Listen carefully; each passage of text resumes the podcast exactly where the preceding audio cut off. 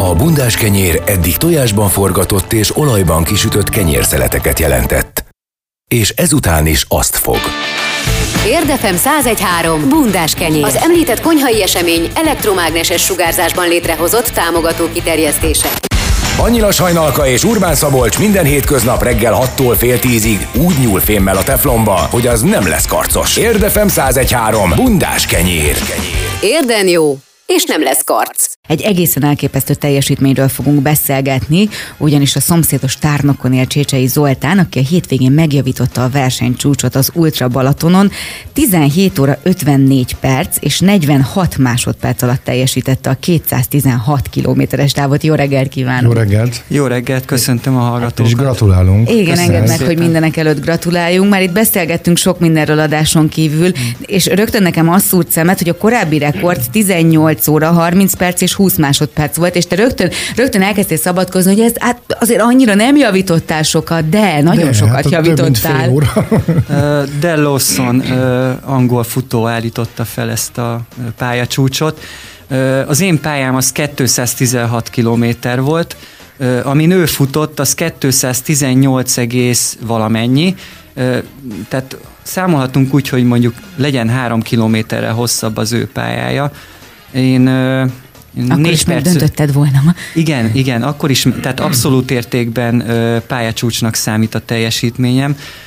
Körülbelül 4 perc 58 másodpercenként tettem meg 1000 métert a verseny alatt. Ez az átlagod. Ez az átlagsebességem. Nyilván egy kicsivel gyorsabban kezdtem, és a végén egy kicsivel lassabban fejeztem. Nálad is van ez a dolog? Én azt hittem, ez csak az amatőröknél van, hogy nem, neki, nem. neki lódulnak, aztán, aztán a végére elfáradnak. Ez nem, egy ultraversenyen általában egy ilyen egyenletes lassulás az mindig közrejátszik, tehát ezt nem lehet úgy megcsinálni, uh-huh. mint, mint például egy maratont, hogy negatív splittel. Tehát ez azért azon a határon túl van, annyira túlterheljük a szervezetünket, hogy a végén már nem, nem fog tudni úgy dolgozni, mint a verseny elején.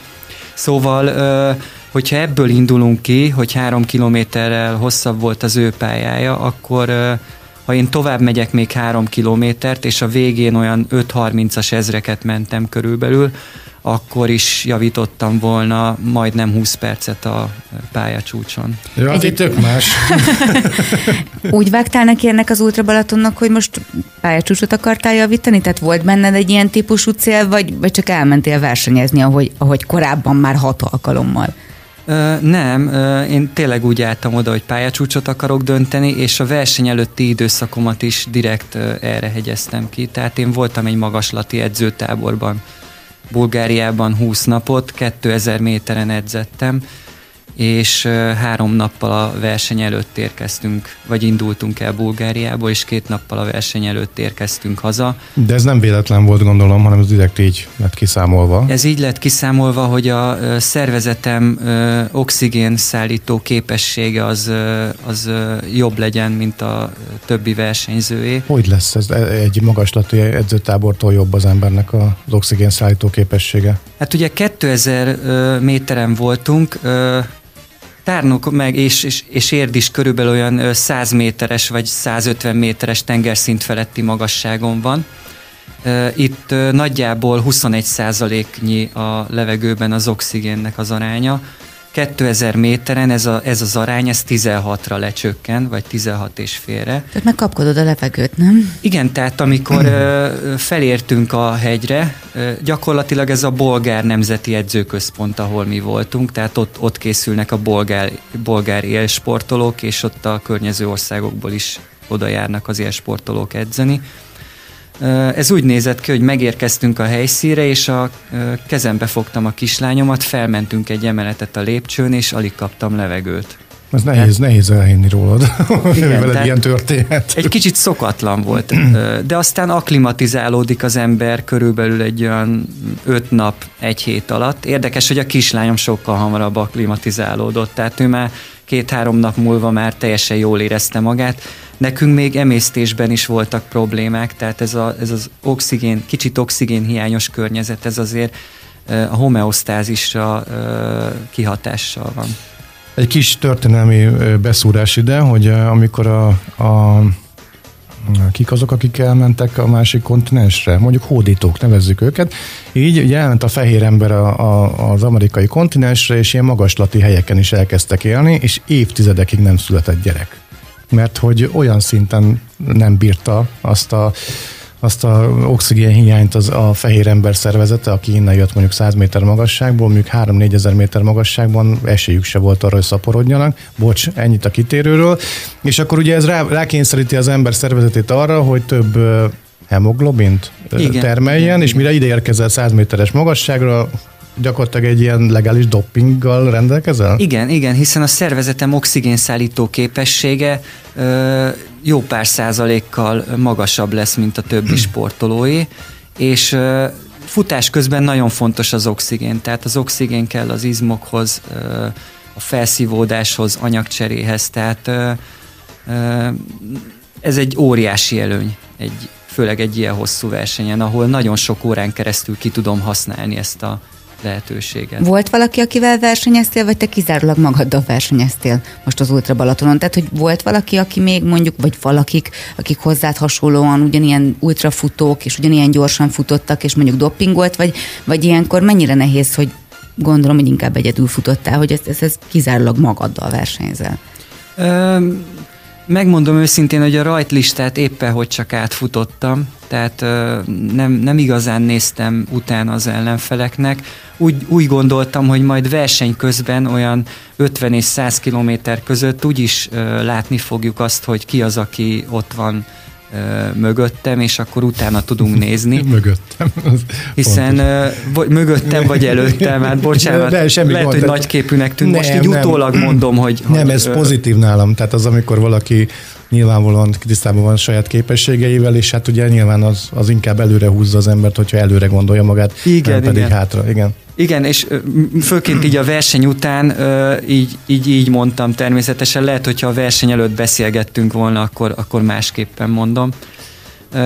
Na szóval mm, egy ukrán sportoló volt hozzám a legközelebb, 100 kilométernél azt hiszem, hogy 20 perccel volt mögöttem, és ő utána pedig a, az én sportolom, mert én edzőként dolgozom, az én sportolom következett azt hiszem, hogy 10 perccel a Drexler Gábor, aki végül harmadik lett, és csak 4 perccel maradt le egyébként az ukrán, ukrán versenyzőtől. Tehát, hogyha még egy kicsi, 40 percet faragott le nagyjából a e, utolsó 50 kilométeren egyébként a Az második igen. helyhez képest. Tehát, hogyha még egy pár kilométerre hosszabb a verseny, akkor akkor bejön a második helyen, ami nagyon jó lett volna. Nem tudom, jól számolok-e tulajdonképpen ők is bejebb voltak, mint az eddigi csúcs? Vagy nem? Ö, nem, nem, nem, nem. Túl nem. Voltak ők, rajta? ők nem, nem. Ők az eddigi pályacsúcson kívül voltak mind a ketten. A pályacsúcs dolog nekem, amíg meg nem érkeztél és nem kezdtünk beszélgetni, úgy volt a fejem, hogy a pályacsúcs az azt jelenti, hogy ez a pálya, tehát a Balaton kör. De hogy említetted az angol úri embert, hogy 218 kilométert futott, akkor ezt másik pályán futotta? Nem. Ugyanígy Balatonon, csak a, más volt a pálya? Úgy fogalmazom, ezt a dolgot, hogy a, a pályának a 99%-a általában megegyezik Aha. évről évre, felújítások és különböző engedélyek miatt ez mindig változik. Tehát ö, 15-ször volt eddig Ultra Balaton, és és azért elég sok változtatás volt már eddig a pályában. Tehát a, az önkormányzatok nem, nagyon sok településen megy át ugye a verseny, és az önkormányzatok nem mindig engedik meg azt, hogy adott utcába vagy, vagy vagy esetleg adott településen áthaladjon a verseny. Tehát olyan is van, hogy település nem engedi meg a versenyt. És akkor, akkor mi van, beültök a kocsiba, aztán tovább mentek? Vagy? Nem, hanem kikerüljük a települést. Aha. Tehát próbálják azért a szervezők úgy összehozni a pályának a hosszát, hogy az nagyjából hasonlítson az előző éveknek a távjára. Az első londoni olimpián történt az, hogy azóta van ez, nem tudom, ez legenda-e, de úgy tudom, hogy ez így van, hogy a, a hogy a Buckingham palota előtt is el tudjon futni a maratoni mezőny, ezért átalakították a pályát. Ezért hosszabb lett, vagy rövidebb, szóval nem a, nem a hivatalos távja lett a, a, onnantól kezdve a, a maratoni futásnak a 42, nem tudom hány tized kilométer, nem vagy hosszabb, vagy rövidebb, úgyhogy így alakulnak át ezek a távok. Így van. És azóta is azt hiszem azt tartják azt a... Igen, a, illetve, illetve olyan is van, hogy ö, ott a környéken van, ha van olyan szponzor, aki a versenyt támogatja, akkor az a szponzor megköveteli, hogy a, az ő telephelyén vagy a, a, az ő területén áthaladjon a verseny, és akkor kell tenni egy kis kitérőt. De mindig, mindig úgy próbálják a versenyszervezők ezt összehozni, hogy ne legyen lényeges különbség a távhosszában az előző évekéhez képest. Tehát mondjuk, bocsánat, mondjuk, hogyha a, a nagy bevásárló központ, a T-betűs, a szponzor ennek a versenynek, akkor mondjuk helyen van egy T-betűs bevásárlóközpont, a parkolón keresztül kell futni. Elképzelhető, igen. igen Az igen, durva. Igen. Például egy pincészeten átfutottunk, konkrétan a Boros pincén De átfutottunk. Jó. Mert volt egy ilyen szponzor, és gondolom kérték, hogy, hogy a verseny haladjon át. És fröccsit be lehet közben nyomni. Akár igen, mondjuk én erre nem nagyon értem rá, mert kettő perc, hat másodperc volt a verseny alatt az állóidőm. Úristen. Mennyi? Kettő De az, perc, az, mit, az, az azt jelenti, hogy megállsz inni, frissítesz, stb. Hát ez inkább mosdó volt, Aha. mert az evést és az ivást az futás közben oldom meg. Na igen, pont ez érdekelt volna, hogy az, az tényleg elképesztő a teljesítmény, tudjuk, hogy évek óta csinálod, edzel, magaslati edzőtábor, stb. De engem az emberi tehát a funkcionális oldala érdekel, hogy amikor, amikor mondjuk nekiállsz egy ilyenek, mit reggelizel? Tehát beversz három tojást, rántottát, vagy, vagy, vagy, vagy hogy lehet erre felkészülni? Az a lényeg, hogy a rajtnál feltöltött szénhidrát raktárakkal, de viszonylag üres gyomorral álljunk, tehát tisztán álljunk a rajtnál. És azt hogy csinálod? Azt úgy csinálom én, hogy csinálok a verseny előtt három nappal egy szénhidrát lemerítést, akkor kap, az, kap egy ingert a szervezet, hogy nincsen szénhidrát. De ez azt jelenti, hogy akkor így lecsökkented mondjuk Igen, 0 g szénhidrátra? Nulla, nulla szénhidrátot viszek be aznap, és nyilván estére elfogy az összes szénhidrát, és keletkezik a szervezetben egy szénhidrát hiány, uh-huh. ami kivált egy ingert, egy raktározási ingert. A verseny előtti két napban ezt használom ki. Ebben a két napban nagyon, nagyon sok szénhidrátban dús ételt eszem, és azokat a szervezet megpróbálja elraktározni maradéktalanul, hiszen előtte nap hiány volt belőle, tehát ö, volt egy inger, hogy úristen, nincsen szénhidrát, tehát ebből, ebből raktározni kell, mert lehet, hogy lesz olyan, hogy megint nem lesz. De nem vagy rosszul, én, szok, én szoktam ketogén diétázni, és nagy ketogén diétás vagyok, és az első pár nap, amikor elvonom a szénhidrátot, az nekem a, tehát az a totális delírium, és a szédelgés, a padlónfekvés, és a stb nem vagy tőle rosszul, és utána, hogy én arra rákajálnék, annyira rosszul lennék tőle, hogy de meghalnék. Ö, egy kicsit ö, okosabban csinálom, Mint hogy, én. hogy ö, folyamatosan ö, fokozom a mennyiséget, tehát ö, mondjuk most pénteken reggel volt a rajt, kedden ö, tartottam egy ilyen nulla szénhidrátos napot, és akkor szerdán reggel óvatosan kezdtem el eszegetni a szénhidrátot, és körülbelül a e, csúcsbevitel az nagyjából csütörtök délelőtt volt, tehát ad, akkor, akkor ettem már ö, tényleg nagy mennyiségű szénhidrátban dús ételeket. Jó, de gondolom, akkor ez ilyenkor nem ilyen junk food, meg ilyesmi, tehát nem, nem hamburger kezdesz el lenni, hanem így nem, okosan nem. válogatod igen, meg azokat igen, tehát az könnyen, könnyen emészthető, és ö, lehetőség szerint ö, nem egyszerű cukrokat tartalmazó étel, hanem hanem inkább összetett szénhidrátokat tartalmazó ételeket viszek be, és akkor verseny előtti este például már csak üres rist ettem, tehát megettem három adag üres rist, az, az azért jó, mert nagyon könnyen meg, megemészti a szervezet, és tényleg szinte csak szénhidrát van benne, és már bocsánat, hogy így mondom, reggel elmegyek ugye mosdóba, és tényleg üres lesz az emésztőcsatornám, viszont a szénhidrát raktáraim fel lesznek töltve. Mm. Nem. Azért ez nagyon összetett dolog azért ez, tehát hogy nem csak a futásra figyeljen az ember, hanem arra, hogy egyébként mit teszik, hogy eszik. Hát ugye rengetegen indultak idén, azt hiszem rekordnevező volt igen, a, az Ultra Balatonon, igen. és hogy ugye nyilván többen csapatban futják le, de most, hogyha megkérdezném őket, nem biztos, hogy mindenki tök tudatosan étkezik közben, meg, meg minden. Nem, mert van, aki csak a teljesítésre megy. Tehát a mezőny nagy része azért, azért csak körbe akar, tehát meg akarja tenni ezt az utat és meg akarja szerezni azt a szalagot, amit a, az egyéniek kapnak, és azt az érmet, és azt a dicsőséget, hogy ő egyedül a saját lábán 32 órán belül ö, körbeért a Balatonon. Tehát nagyon sokan vannak, akik csak ezt akarják. Aztán a mezőny egy kisebb része természetesen minél előbb akar ö, beérni, és ö, van néhány ember, aki meg, ö, meg nagyon jó teljesítményt akar nyújtani, és mondjuk meg akarja nyerni a versenyt. Ők nyilván ö, már minden részletre odafigyelnek. És közben mit teszel? Vagy hogy ezt azt mondod, kettő percet állsz, akkor ez feltételező, hogy közben eszel, iszol, a kettő perc álló időm az ö, csak a mosdóból ö, ö, jött össze. De ez is ilyen futás lehetett.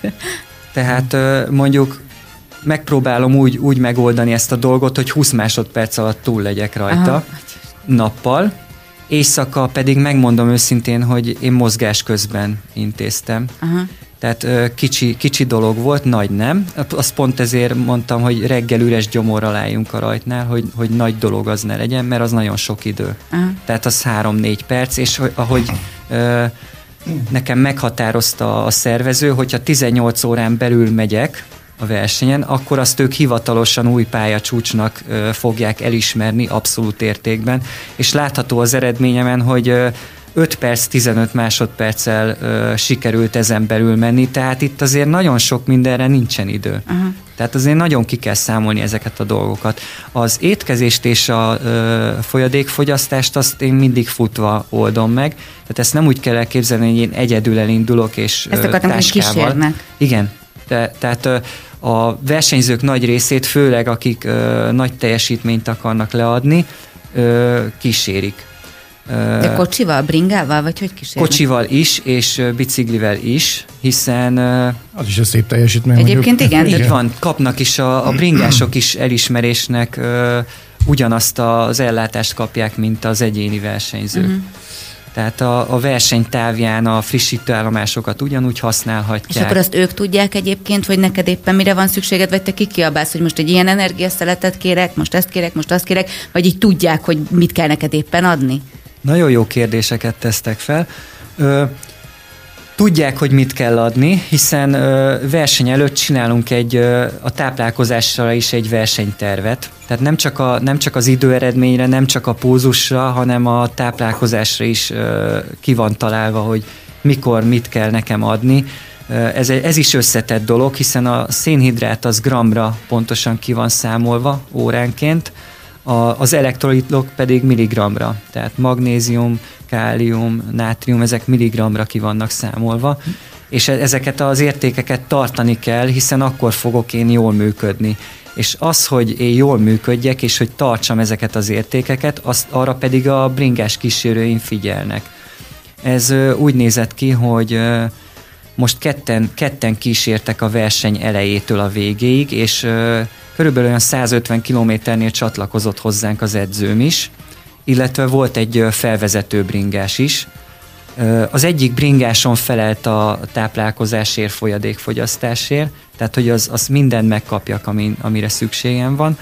A másik bringásom egy ö, ö, technikai dolgokban segített, tehát hogy ö, ö, mikor mi fog következni, mikor jön a következő frissítőállomás. Mint egy mit fár erre a Igen, a mennyivel a vannak előttem, mennyivel vannak mögöttem, kiszámolni, hogy milyen gyorsan kell mennem, mert nyilván a teljesítésre is kiszámoltunk egy időtervet, de ez olyan, ez egy terv. Tehát egy, egy terv meg egy ilyen versenyen mindig változik. Tehát volt olyan szakasz, amikor gyorsabban tudtam menni, mint amit el, előre elterveztünk, viszont volt olyan szakasz, amikor lassabban. És ezeket számolgatni kellett. Folytassuk innen a beszélgetést, egészen elképesztő, amiket mondasz, és tényleg az államat így össze kell szedni a padlóról, mert szerintem ez egy fantasztikus emberi teljesítmény. Csécsei Zoltán a vendégünk, aki a hétvégén pályacsúcsal megdöntötte az Ultra Balatont. Érdefem 1013. Bundás kenyér. Már nem is félek tőle annyira. Vendégünk továbbra is Csécsei Zoltán, aki megjavította az Ultra Balaton versenycsúcsát, és egy egészen elképesztő emberi teljesítményről beszélgetünk. Én leszek most a gyerek, mert elegánsan túlmentünk azon, hogy jól értettem, hogy a kis dolgodat menet közben végzed el? Jaj, Szabolcs. Ne, de érdekel, mert hogy, mert hogy ez egy nagyon fontos kérdés szerintem, és nem a, nem a pislésen akarok most rugózni. Elmondom a sztorit, hogy miből jön az, az egész. Egy, egyszer egy kerékpár versenyzővel beszélgettem hasonló körülmények között, és kérdeztem, hogy hát ezt hogy oldják meg egy ilyen hosszú verseny, és akkor elmesélt egy történetet, hogy derüljünk is egy kicsit. Azt mondta, hogy Ausztriában volt egy verseny, és akkor azt szokták csinálni, az egyik megoldás, hogy az egész boly félreáll, elintézi a dolgát, mennek tovább, vagy pedig azt csinálják, hogy a versenytársak támasztják a biciklit, de hát úgyis elég nehézen jön az ihlet adott esetben, és hát ugye az volt, hogy Ausztriában közeledtek egy faluhoz, ugye beállították a megfelelő dolgokat a megfelelő helyre, hogy akkor majd még a falu előtt elintézi a dolgát. Természetesen integető emberek a faluban, és végigpisilte az egész falut, mert addigra jött meg az ihlet, már bocsánat a sztoriért. Vicces volt, és mondta, hogy hát ilyenkor ez egy megoldás van, és futás közben is valami ilyesmiről van szó, hogy kénytelen vagy ezt így, így megoldani adott esetben?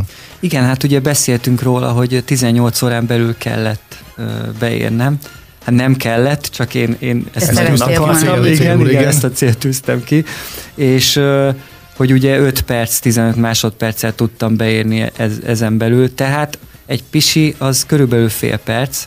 Most egy ilyen távon Hát nagyjából óránként mindenképpen, hiszen az anyagcserénk annyira pörög, olyan sok folyadék és szénhidrát megy át rajtunk, hogy, hogy ki kell dobni a felesleget. Tehát, hogyha én megálltam volna mind a 18 alkalommal, most mondtam egy számot, nem számoltam, akkor az 9 perc veszteség. Uh-huh.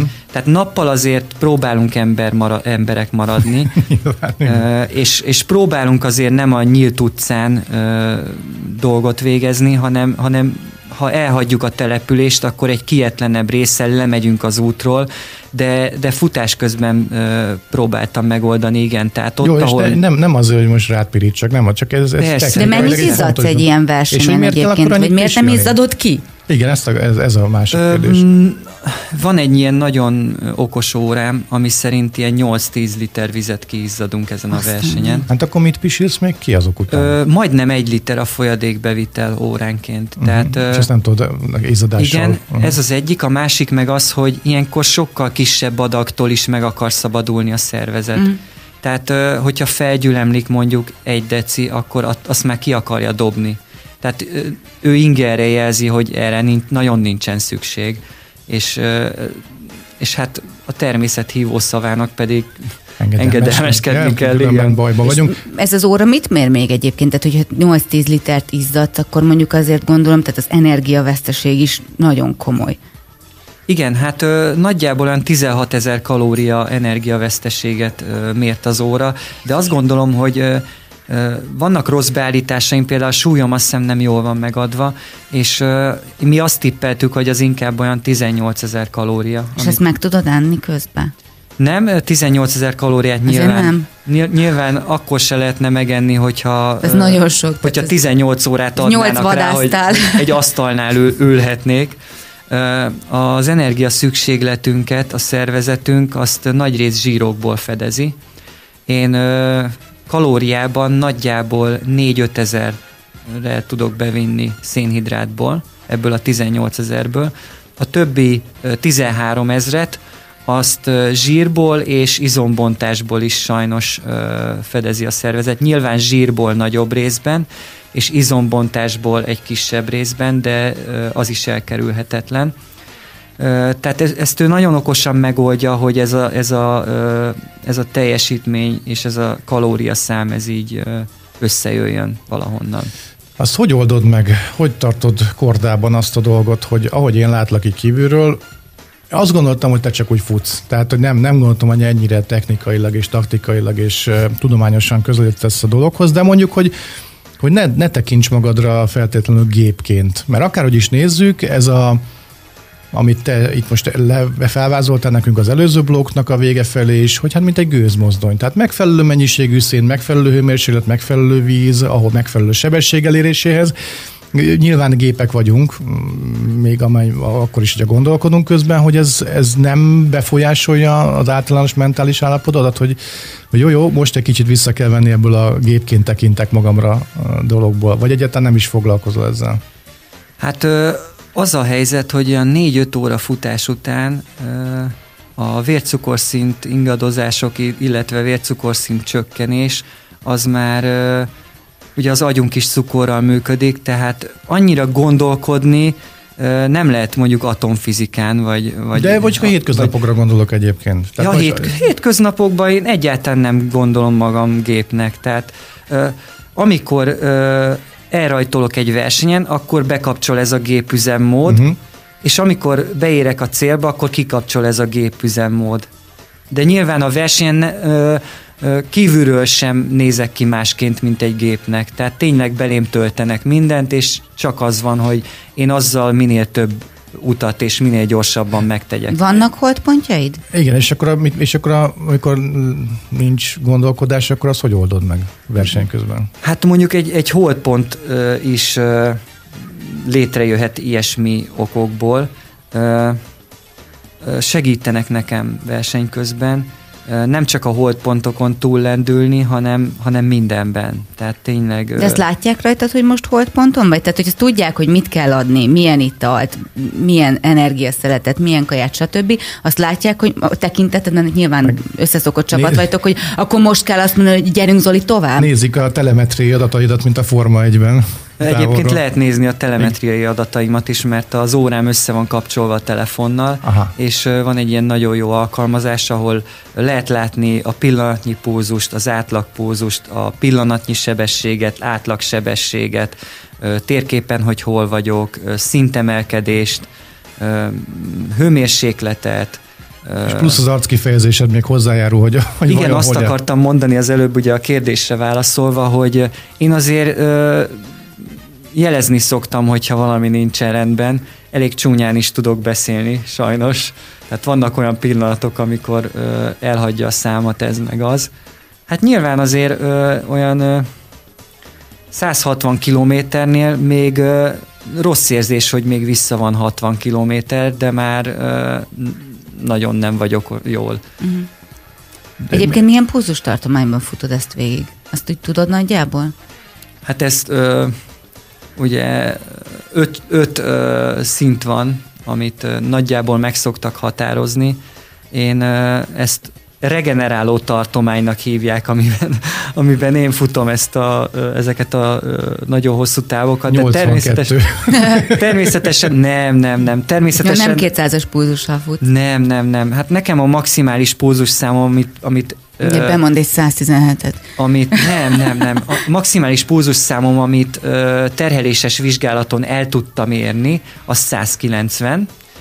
Ez mindenkinek más egyébként. Én egy spinningen nyomok 190-et. Hát 170 és, az órám, hogy baj van. Igen. És, és ehhez képest kell ugye nézni, hogy uh, ki milyen számon dolgozik. Én nekem 139 lett az átlag púzusom egyébként a versenyben. Ez a zsírégető tartományom. hát igen, ezt mondják zsírégető tartománynak, ezt igazából azért mondják zsírégető tartománynak, mert, mert a, az energia szükségletét a szervezet nagyon nagy részben zsírokból, ugye erről beszéltünk az előbb, nagyon nagy részben zsírokból fedezi, és csak kisebb részben szénhidrátból. Ezért nevezik ezt zsírégető tartománynak. Mm. Vannak olyan települések, amelyeken kifejezetten szeretsz futni, és mondjuk van olyan hely, amit már mondjuk, ha meglátsz, akkor azt mondod, hogy most, már, most, most már mindjárt ott vagyunk.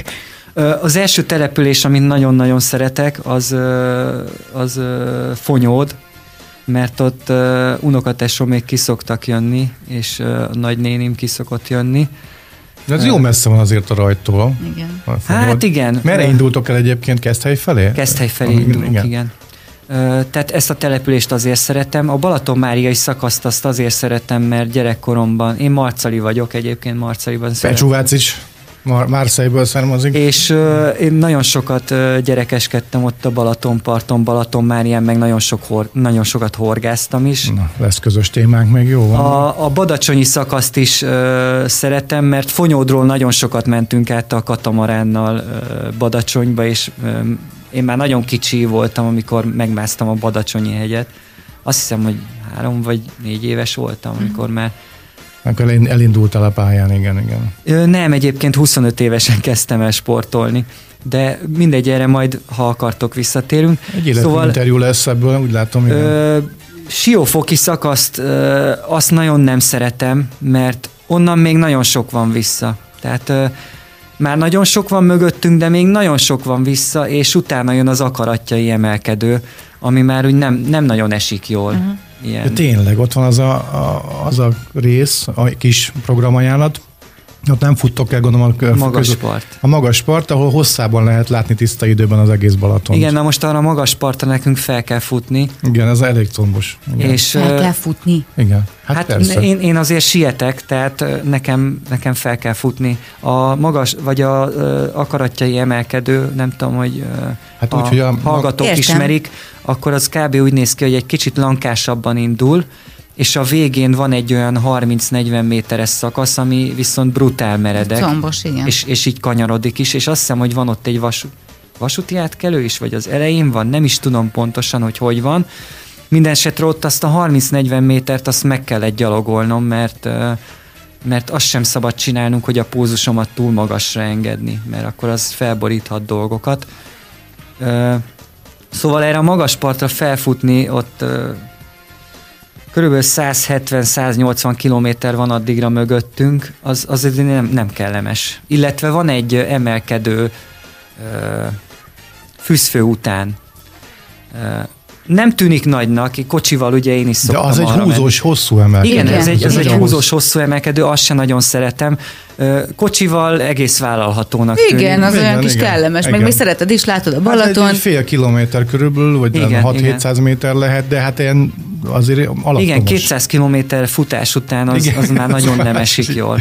Viszont utána van egy kellemesebb lejtős szakasz, tehát ott mindig arra szoktam gondolni, hogy, hogy minden domb után van egy, van egy lejtő uh-huh. is, mhm. tehát hogy és uh, biztos, hogy neked mondjuk egy, van egy táv, 100 km, 40 km, tök mindegy, hogy körülbelül melyik szakasz az, ahol begyújtod, be tudod gyújtani a rakétákat, mindig ugyanott jön el, ugyanazon a százalékon jön el a, a a mélypont esetleg, te ezt ismered már magad ennyire, vagy tök más mindenhol? Mondjuk a Balatonon hat alkalommal, amikor futottál, mindenhol máshol jött elő a, a mélypont, vagy a rakéta? Hát olyannyira máshol jön elő, hogy például ugye hatszor próbáltam meg, és ötször ért, értem ebből célba, tehát az egyiket fel is kellett adnom, olyannyira mélyponton voltam, hát ez egy sérülésből, hát ott egy sérülés volt, ott egy sérülésből adódott, igen. De mondjuk, hogy tudod azt, hogy a századik kilométernél fog jönni, számítasz rá, hogy ott, ott fogsz elfáradni valahogy, mert, még, mert múltkor is ott fáradtál el, és akkor a, azt túl kell élni valahogy, és akkor mondjuk a 132. kilométernél meg új erőre kapsz például. Ilyen, ilyen struktúra Igen, van benned? Ez, ez nagyon érdekes, mert hogyha erre a kérdésre pontosan akarok válaszolni, akkor azt, azt mondanám, hogy hogy meg kell nézni, hogy melyik az a táv, melyik az a szakasz, ahol a legtöbben feladják az Ultra Balatont. Tehát, hogy egy uh-huh. statisztikából induljunk ki. Na, ez jó. Körülbelül 300-an állnak rajthoz egyéniben, és a feladóknak nagyon nagy százaléka úgy 100 km és 160 km között száll ki a versenyből. Tehát ez az, amit még fejben nehezen, fejben is nehezen dolgoznak fel, illetve fizikailag is lehetnek már olyan szinten, hogy, hogy úgy érzik, hogy, és reálisan úgy érzik, hogy, hogy a hátralévő, nem tudom, 80-100 kilométert már nem fogják tudni megcsinálni, tehát jobb lesz, hogyha már most kiszállnak, mint hogy szenvednek még 40 kilométert, és akkor, akkor szállnak, szállnak ki. ki. Tehát még emelt fővel tudnak kiszállni, igen. És amikor az ember célba ér egy ilyen versenyen, akkor utána mi történik, mint az öttusázók így eldőlnek, mint egy krumplizsák, hogy utána még egy kicsit futsz helyben, ja, és levezet, teli, elmész másnap edzeni, edzésterveket írsz. Teli szája vigyorogtál, jól láttam, hogy te mosolyogtál, amikor... Igen, azért a célba érkezésnél, főleg ha valaki megnyeri a versenyt, azért az adrenalin az, az dolgozik még. Ez nálam olyan 15-20 percig tart, amíg mindenki oda jön gratulálni, meg hát, ott csináltak egy interjút velem ott hirtelen a, a célban, és az interjúnál ott szóltam egy pillanatban, hogy na jó, menjünk enni. Mm. Én az, az volt a pont, amikor éreztem, elkezdtem fázni, libabőröztem, és ére, éreztem, hogy a, a, a hőháztartásom össze fog omlani uh-huh. nagyon, nagyon rövidesen, mert ugye nem volt már bennem energia, uh-huh. és ez a 21. ilyen 200 kilométeres távon volt, és nagyon, nagyon jól tudtam azt a pillanatot, hogy 5 perc múlva összeomlok. Uh-huh. Tehát le kell ülni, és fel kell öltözni, mert különben, különben elvágódok, és enni kell természetesen. Ilyenkor van orvosi vizsgálat a végén? Tehát, hogy oda mész valakihez, aki meg megméri a pulzusodat, vérnyomást, akármit. Dopingvizsgálat van? Ö, a versenyek, ö, tehát előfordulhat, dopingvizsgálat előfordulhat. Ö, engem az elmúlt három évben négyszer ellenőriztek, természetesen mind a négy ö, alkalommal negatív. Kicsit magas adtam. volt a hemoglobin szinte, de... Nem, ez volt az első magaslati ja, edzőtáborom. Tehát most, most voltam életemben először magaslati edzőtáboron. Szóval, hogy nem És volt, abból nem is megvan adva egy érték, ami, amit a szervezet önmagától meg tud csinálni, és megvan adva egy olyan érték, hogy amit ha nem. a fölött van a hemoglobin, hmm. akkor az már biztos, hogy, hogy csak szerekkel uh, elérhető. Az ultrafutás egyébként nem egy uh, doping uh, szennyezett sportág, mert nincsenek nagy nyeremények. Tehát nincs értelme uh, tönkretenni magunkat uh, dopingszerekkel azért, hogy mi nem tudom, 5 perccel gyorsabbak legyünk. Tehát mm. ebből, ebből nem lehet olyan brutálisan nagy összegeket keresni, mint ö, felkapottabb sportágakból, fe, ö, felkapottabb sportágakban. Ö, mi is volt az... Vagy van-e vizsgálat utána? Orvosi vizsgálat. Vagy... Orvosi vizsgálat, igen. Ö, orvosi vizsgálat konkrétan nincs, tehát kötelezően nem kell ö, orvosi vizsgálatra menni, de ha nyilván, ha valakinek valamilyen baja van, vagy rosszul van, akkor mentő áll rendelkezésre a, a célban, vagy orvosi stáb. Most ezt nem tudom pontosan, hogy ezen a versenyen hogy volt, de mivel a pulzus értékeim is rendben voltak, jól éreztem magam, éreztem, hogy működök, tehát amit megettem ott a célban kaját, azt fel tudta dolgozni a szervezetem, a folyadékot is fel tudta dolgozni, képben voltam, tudtam gondolkodni. Mit tettél? Utána. Ez engem tökre érdekel, hogy olyankor is még ezeket az energiaszeleteket igen, nyomod, nem, vagy olyankor nem, valaki nem, hoz nem, neked nem, ami gondol, rendes kaját. Gond, rendes kaját, mindenképpen rendes kaját, hiszen a, a felkészülés alatt is ugye a táplálkozásom az nem arra van kihegyezve, hogy az finom legyen, mm. hanem hogy az hasznos legyen. Én biztos azon gondolkodnék már az utolsó pár kilométeren, hogy akkor mit rendeljek. Én is ezen szoktam egyébként gondolni, és nekem a kedvencem, hogyha, hogyha meg akarom magam lepni, és hogyha elégedett vagyok a teljesítményem, feleségemmel, akkor én somlói galuskát szoktam enni És most egyébként. kaptál? Volt a célban desszert, de sajnos somlói galuska pont nem volt, de uh, profiterolt ettem, és uh, azt hiszem, hogy jégkrém is volt rajta. Szóval ilyenkor lehet, tehát amit, amit a verseny előtti felkészülési időszakban nem lehet enni, mert csak olyan tápanyagokat viszek be, amit ö, hasznosítani tud a szervezetem, azt a verseny után lehetett. Tehát ott, ott lehetett tenni kicsit zsírosabbat is, ö, kicsit cukrosabbat is, ott ö, megengedem magamnak az ilyesmit. Hogy, hogy, bocs, bocs, bocs, hogy látod a mezőnyt, hogy veszélyben van ez az új rekord? Mert hát az a 40 perc, vagy mennyi, amennyivel 30, 30 valamennyi perc, amennyivel túl teljesítetted, ez az feladta a leckét azért a versenytársaknak. Szerintem. Ö, természetesen vannak olyanok, akik, akik ezt meg tudják csinálni. Ö, néhányan nem jöttek el a versenyre egyébként, akik képesek lennének erre. Tehát ö, ö, mondhatnám, hogy ö, hogy a mezőny nem volt annyira erős. Tehát ö, vannak külföldi versenyzők, akik, ö, akik lehet, hogy még jobbra is képesek, sőt, van olyan, aki biztos, hogy jobbra is képes ennél. Tehát ez azért egy ö, magyar verseny volt, és ö, a mezőnynek a 90-95 százaléka az magyar volt.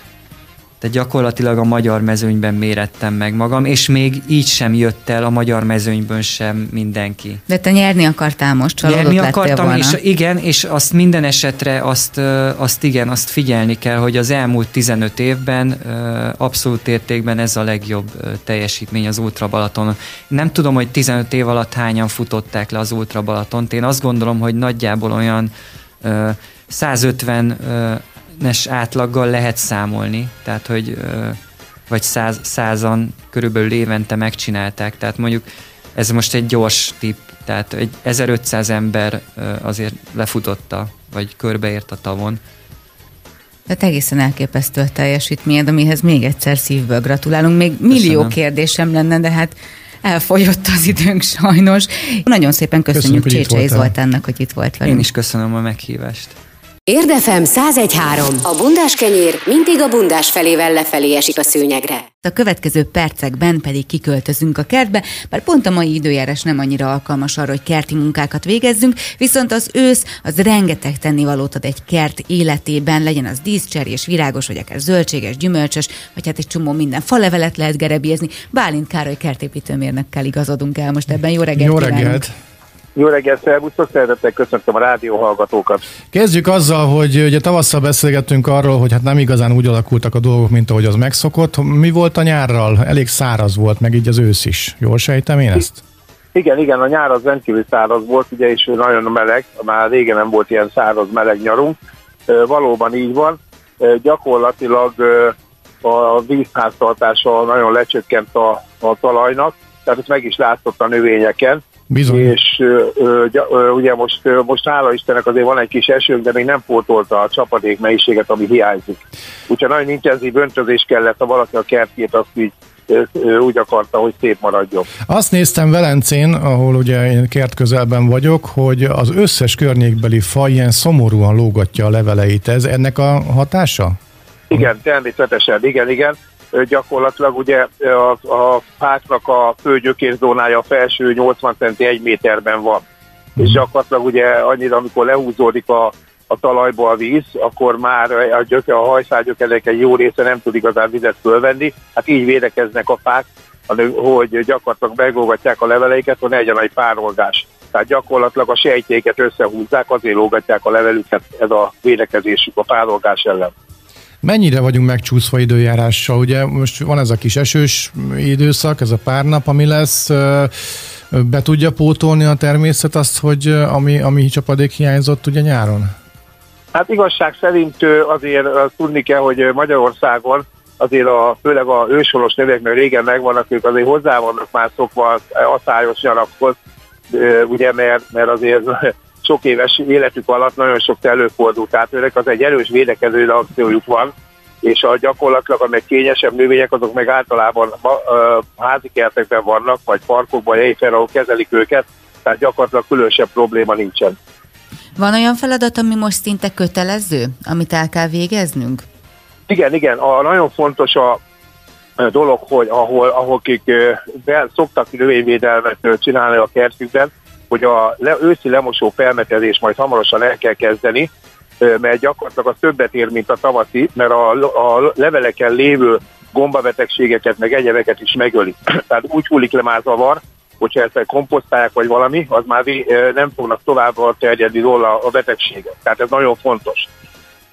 A másik az, hogy akik még nem csinálták meg, mondjuk egy kicsit az idő nem kell, a száraz idő kell egy pár nap, mindenképpen meg kell szellőztetni a fűüket igazság szerint még, még utolsó pillanatban vagyunk, de ilyen őszi, ilyen félre felerősítő fűtványát a füvekre érdemes kijuttatni a felőztetés után, akkor azon kívül a, ö, oda kell figyelni arra, hogy lehetőleg ilyen örökzöld féléket, ilyen bokrokat, tehát ilyen babérmegyeket, korálberkenyéket, stb. most már nem ettünk, meg mert a ö, friss meszlap után, ha hirtelen beáll egy hidegebb időszak, elfacsaknak a, azért a hajtás véget. Erre oda kell figyelni.